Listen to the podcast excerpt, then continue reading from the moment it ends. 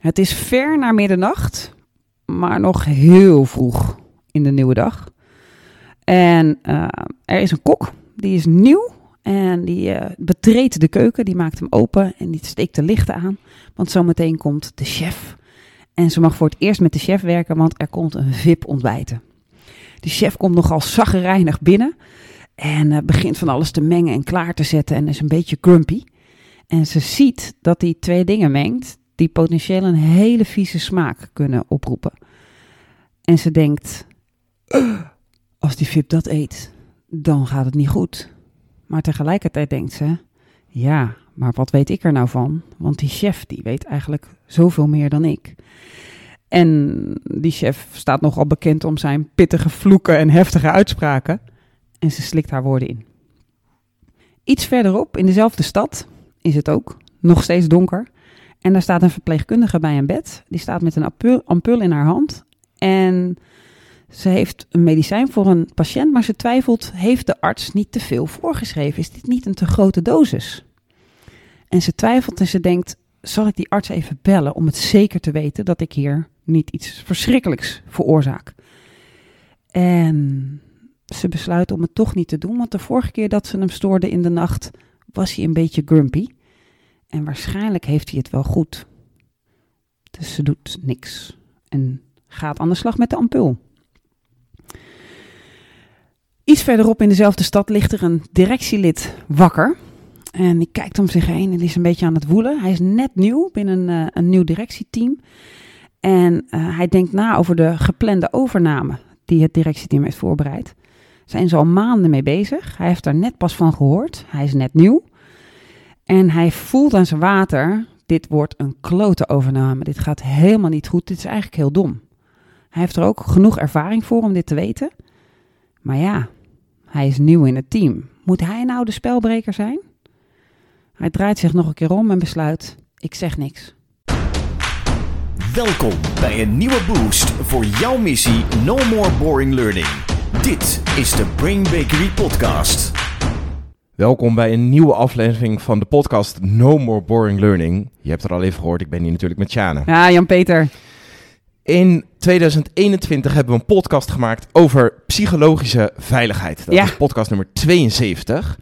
En dat was een zeer goed beluisterde podcast Ja. waar we veel reacties op hebben Ja, gekregen. dank jullie wel voor al die reacties. En lieve luisteraars, deze podcast is een vervolg daarop. Ja. Want eh, we kregen er veel vragen over. We wisten dat er ook nog meer over te vertellen was. Dus in deze podcast gaan we nog meer onderzoek delen.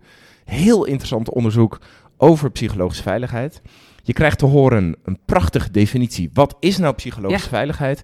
En de drie dingen die je moet doen als L&D'er of als leidinggevende in je organisatie om psychologische veiligheid te vergroten. Ja, We hebben het over eh, een hele leuke onderzoekster, hè? ja. Ja. Amy Edmondson heeft hier heel veel in gedaan, ook veel boeken geschreven. We gaan niet een boekbespreking doen, we hebben Nee. gewoon verschillende stukken research van haar. Maar eh, daar gaan we het over hebben. Ja, ja. ja, een van de boeken aan te raden, verder gaan we het dus niet specifiek over het boek hebben, is The Fearless Organization.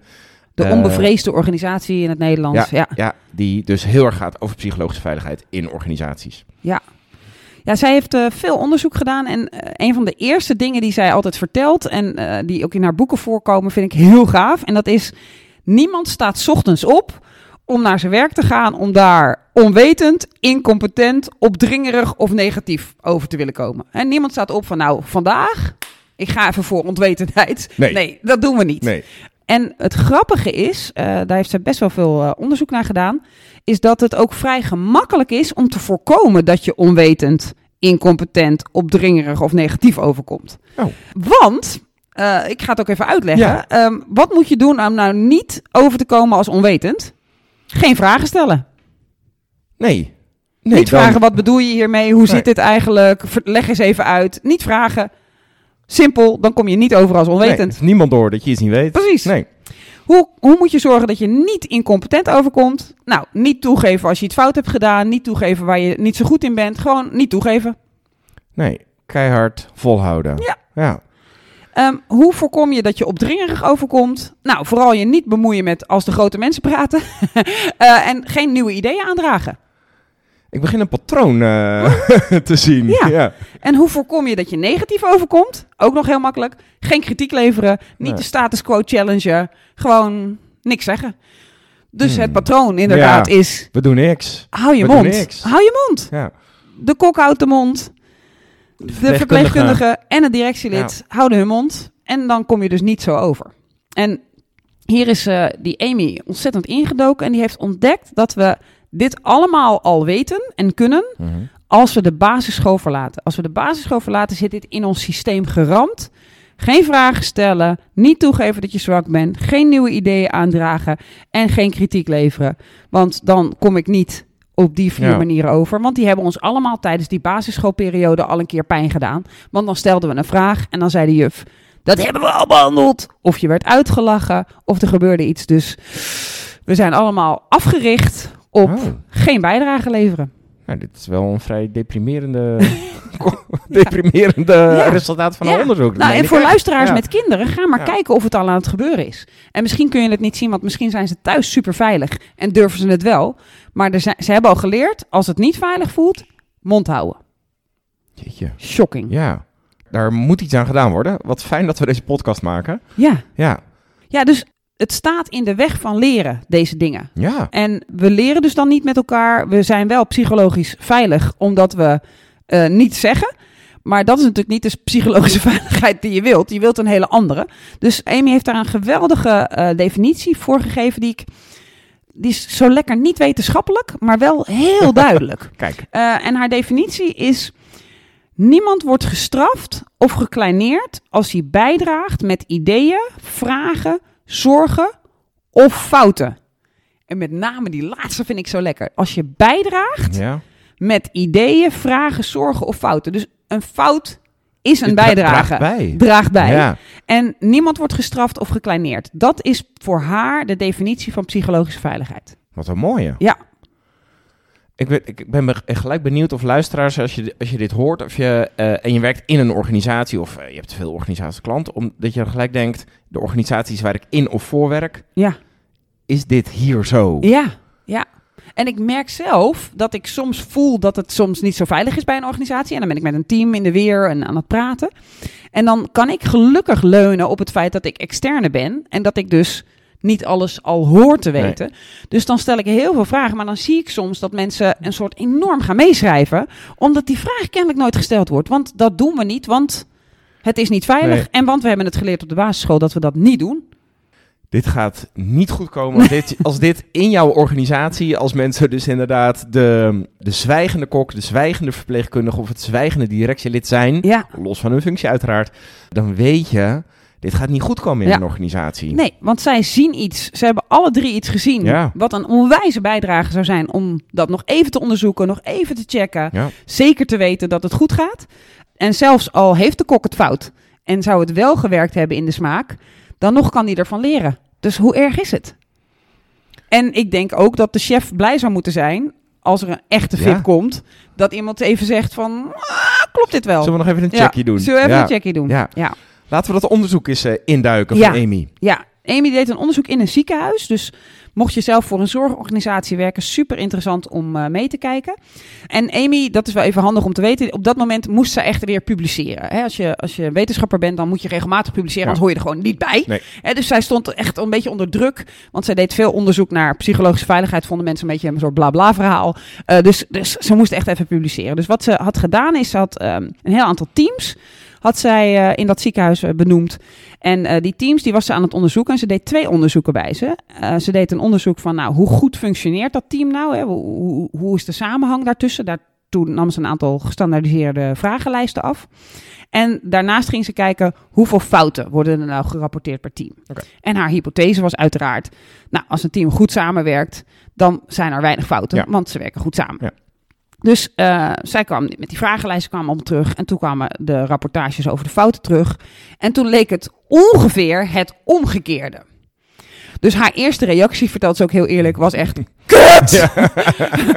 ik moet snel publiceren, what the fuck? Wat moet ik nu? Mijn hypothese klopt niet. Haar tweede reactie natuurlijk, die niet uit haar ego kwam, was... Ja. Wat interessant, Ja. wat fascinerend, wat gebeurt hier?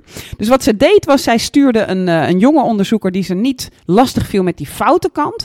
Eh, dus ze, die, die persoon kreeg niet de, het aantal gerapporteerde fouten te zien. Mhm. Maar ze ging eh, hem vragen om te observeren hoe er in de teams gesproken werd over fouten. En hoe goed hij ze daarmee om vond gaan. En vervolgens vroeg ze die, eh, die jonge onderzoeker om eh, een ranking te maken van die teams in hoe goed ze met fouten omgingen. Mhm.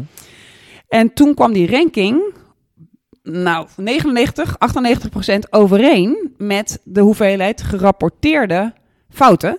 En dus met hoe goed de teams waren. Dus ineens draaide het om en kwam zij erachter. De teams die de meeste fouten rapporteren en het meest over fouten praten, zijn de beste teams. Want kennelijk hebben we het hier gewoon over fouten. Wacht even, dus er was een één op één verband tussen het, aan, het gemaakte aantal fouten en hoe goed een team functioneert en Ja. samenwerkt. Ja. Ik snap dat ze even zat te kijken. Ja. Eh, toen had ze natuurlijk wel een hele grote Ja. doorbraak, want ze had een soort omgekeerde hypothese en die had ze ook, kon ze ook aantonen. Dus gelijk als een malle gepubliceerd.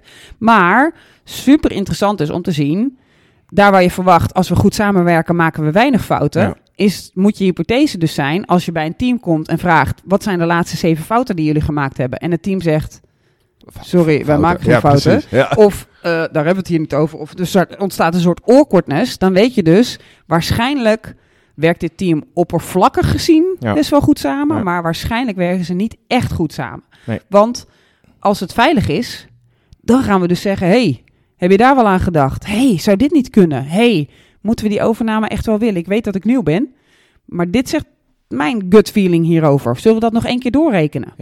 Want die chef, die Grumpy chef, denkt... wat werk ik lekker samen met mijn nieuwe sous-chef. Ja, Maar er wordt niet over de fouten gesproken. Precies. Dus het resultaat gaat waarschijnlijk niet goed komen. Nee.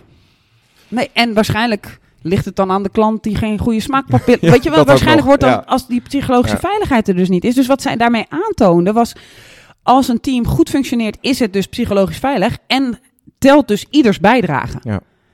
En wordt die uitgenodigd en, en verlangd en gewenst. Ja, en worden fouten dus gezien als bijdrage. ja.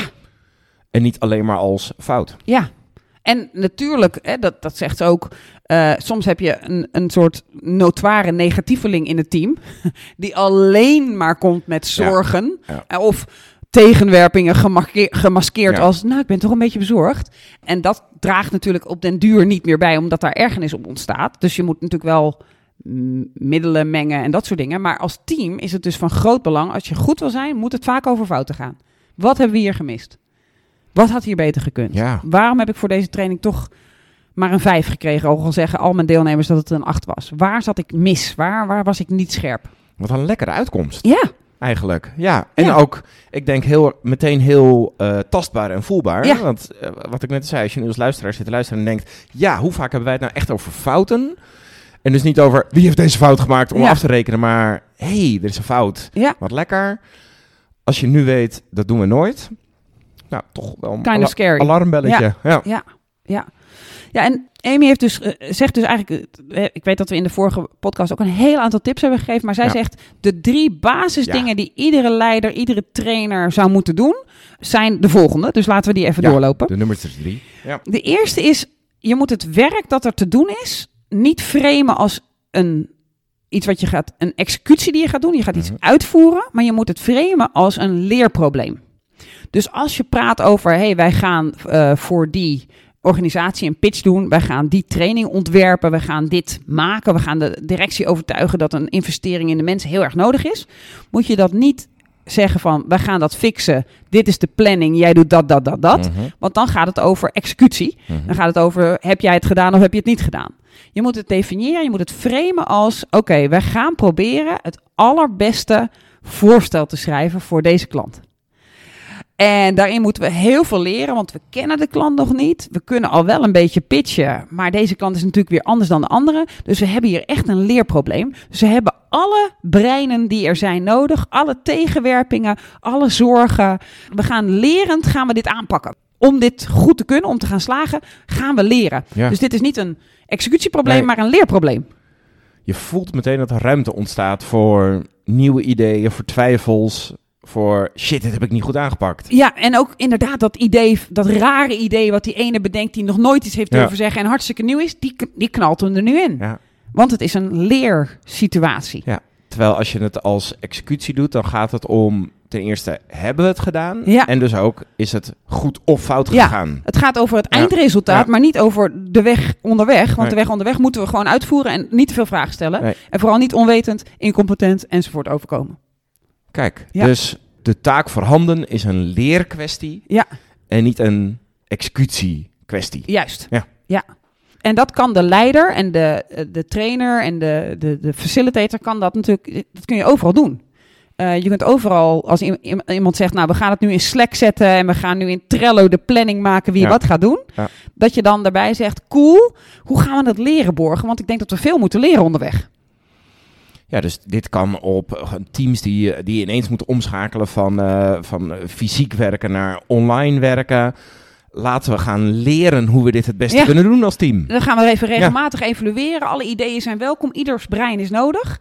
Eh, maar, maar ook bij dus routinematige klussen. Van als jij dus in een team zit dat regelmatig een pitch houdt, pak je waarschijnlijk die pitch niet meer aan als een leer iets. Nee. Waardoor je niet meer beter wordt, maar waardoor je altijd de pitch op dezelfde manier doet. En iedereen gaat kijken naar of we dat nog aan het doen zijn. Dus ook bij routineklussen kun je het framen als een leersituatie, Ja, kwestie, lekker. issue. Ja. dat was nummer één. Ja, nummer twee. Belangrijk voor de leider, je kunt het niet vaak genoeg zeggen. Geef toe dat je het ook niet allemaal weet. Ja. Ja, als je dan eenmaal dat frame hebt neergezet van we zijn dit met z'n allen aan het leren, zeg dan ook, hey, die wist ik niet als iemand iets goed zegt. Of zeg, ik denk dat ik er wel eens naast kan zitten. Jongens, als je het gevoel hebt dat ik te hard doorpush of, of daarnaast zit, trek aan de bel, zeg iets tegen me. Eh, misschien mis ik wel iets. Ik heb Eh, ook niet alle wijsheid precies. Ja. eh, als die chef eh, had gezegd tegen de souschef: Ik ga nu deze dingen mengen. Let even goed op dat ik het wel even goede verhoudingen doe. Ja. Dan had die chef het onmiddellijk gezegd: Oeh, werkt dit wel? Maar ja, dat. Dus een wat bescheidenheid over je eigen kennis en kunde als leider, als trainer. Zorg Ja, ervoor, is dat het? Nee, het is verder dan bescheidenheid. Het is zelfs een soort niet, niet van: Ik weet ook niet alles. Maar het is echt: Ik denk dat ik fouten ga maken. Ik zou dit wel eens Ah. fout kunnen doen, want we zijn dit aan het leren. Dus ik weet het ook niet allemaal. Dus ik vermoed dat ik wel een fout maak. Dus ik wil je vragen om je mond open te trekken als je vermoedt dat ik het fout. Kijk, dus nog explicieter en actiever dan, eh, dan alleen maar bescheidenheid. Ja. Ja, Ja. Duidelijk. En dan de derde natuurlijk. En dat is dat je eigenlijk gaat modelleren hoe nieuwsgierigheid werkt. Omdat je in die, dat leerprobleem zit, hè, we gaan iets leren. Ik weet ook niet alles. Ga je laten zien. Als ik dus niet alles weet, vertoon ik dus nieuwsgierigheidsgedrag. En nieuwsgierigheidsgedrag betekent, wat denk jij hier eigenlijk van? Is dit wel verstandig wat ik doe? Welk cijfer zou je dit geven? Wat denk je dat de klant hiervan denkt? Waarom zeg je dat? Vertel me er eens wat meer over. Onderbouw dat eens. hey, waarom denk je dat dit een goed idee is wat zij nu zegt? Dus laat heel veel nieuwsgierigheid zien naar beweegredenen, gedachten. Als jij dat modelleert als leidinggevende, dan gaan anderen denken: kennelijk is het normaal om heel veel vragen te stellen. En wordt het nog veiliger, psychologisch veiliger, om mee te doen. In plaats van: ik ben de leider, ik stel nooit een vraag, ik stel me nooit kwetsbaar op. Nee, En dus gaan we dat ook allemaal doen. nee. Het gebeurt ook nog zoveel. Ah, Hoe hoger je komt, hoe... hoe... hoe zelfbeschermender je moet Ja. of zo. Ja. Het is een soort omgekeerd evenredig. Hoe, Ja, eh, ja. oh, ik, kan deze niet rondmaken, Nee. maar in elk geval, hoe hoger je komt in de boom, eh, hoe, meer, hoe minder onzekerheid je gaat Ja. laten zien. Ja, zo zonde ook. Ja, Dus drie dingen. Het werk framen, eh, de taak, de klus. Het werk framen als het, is, het gaat om het leren Ja. en niet om het, om het eh, uiteindelijke eindresultaat. Dat wil je ook halen, maar het gaat vooral om het, eh, om het leren. Ehm, actief uiten, jongens, als leider of als trainer. Ik ga waarschijnlijk fouten maken. Eh, hou mij scherp, kijk goed. ja, Stel ook kritische vragen aan mij. Ja. En de derde, dat voordoen, dat modelleren, die nieuwsgierigheid. Veel vragen stellen En mensen laten zien, wij zijn niet aan het leren en onderzoeken, we zijn nieuwsgierig. Ja, en daarmee kun je dus zorgen dat de souschef de VIP redt. Ja, En daarmee kun je zorgen dat de verpleegkundige haar arts belt en dat de arts zegt... Wat ben ik blij dat je mij gebeld hebt, dankjewel. het waren inderdaad te veel ampullen. Of eh, wat ben ik blij dat je gebeld hebt, want daardoor weet ik zeker dat jij oplet. Maar in dit geval wil ik het Ja, echt. ja. Eh, eh, en daardoor gaan we hopelijk de- dat directielid het, het team redden. Ja. Ja, het bedrijf behoeden voor een slechte overname. precies. En ik denk dat Amy ook al heeft gekeken eh, over deze drie dingen. Geldt dat, moet je dit nu altijd doen? Moet je als leider altijd zo zijn? Eh, of, of altijd in een training dit toepassen? Zijn er nog nuances op? Of is dit absoluut? Eh, ja, ze zegt daar eigenlijk drie dingen over. Het eerste wat ze zegt is, de kritiek die ze veel krijgt is, ja, psychologische veiligheid, la la la, la la la, Ja. we moeten performen. Ja. Wat zij eigenlijk doet, en dat vind ik heel cool, is dat ze zegt, om te performen, Ja. moet die psychologische veiligheid er Ja. zijn. Dus heel veel mensen die doen dat veiligheid is een soort la la la van vrolijkheid, lief, lief, lief lachen. Het gaat hier om performance. Zij zegt het is een voorwaarde. Dus ze zegt eigenlijk om, om in die learning zone te komen, hè, waar, waar we graag willen zitten, moet je zorgen dat er hoge psychologische veiligheid is. En dat je hoog accountable bent voor resultaten. Ja. Want ze zegt, als je heel veel psychologische veiligheid creëert. En er is weinig accountabiliteit voor. Ik moet iets performen, ik moet dingen. Dan zit je in je comfortzone. Dan zit je gewoon. Ja, heel veilig. Heel veilig, Ja. heel Ja. fijn. Ja, we doen het al jaren zo. En ineens overname, je bent kapot. Eh, maar wat je veel vaker ziet, en dat is denk ik waar zowel de kok als de verpleegkundige als het directielid zetten, is dat je hoog accountable bent voor resultaten. Hè? Je hebt een leven in je hand, je hebt die VIP-klant die een review misschien gaat schrijven, en je hebt die overname die misschien wel betekent dat het bedrijf omvalt. Hoge accountability, maar dan lage psychologische veiligheid. En dat noemt zij die anxiety zone. Dan ben je bang en dat triggert je basisschoolgedrag.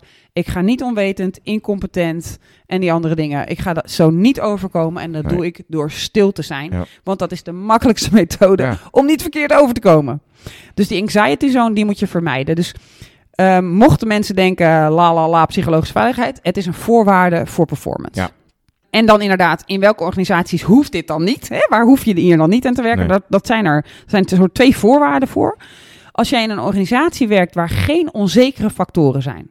Hè, waar alles steady is, waar je alles zeker weet. Ik kan er geen één bedenken. ik zit Eh, gelijk verbaasd. Zouden in die, die er veranderende wereld. Ja. Maar stel dat er Ja. nog iets is van, nou ja, ik vang vis en daar verandert nooit iets in. Ja. Dan hoef je dit niet te doen. Nee. Want ja, dan ga je gewoon lekker knallen. Ja.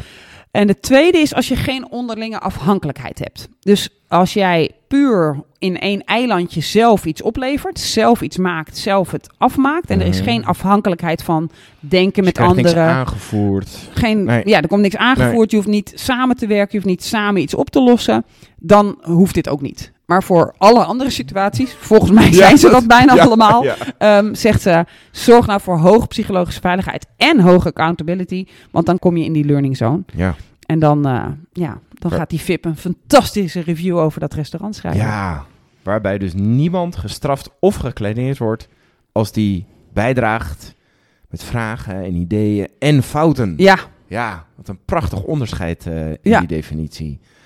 Werken aan psychologische veiligheid is dus werken aan performance. Ja. Ja. En we weten nu ook de drie dingen die die psychologische veiligheid stimuleren. juist. Hiermee ronden we deze podcast af. Bedankt, Amy. Amy, dankjewel. Ja. Dankjewel ook Jan-Peter. ja.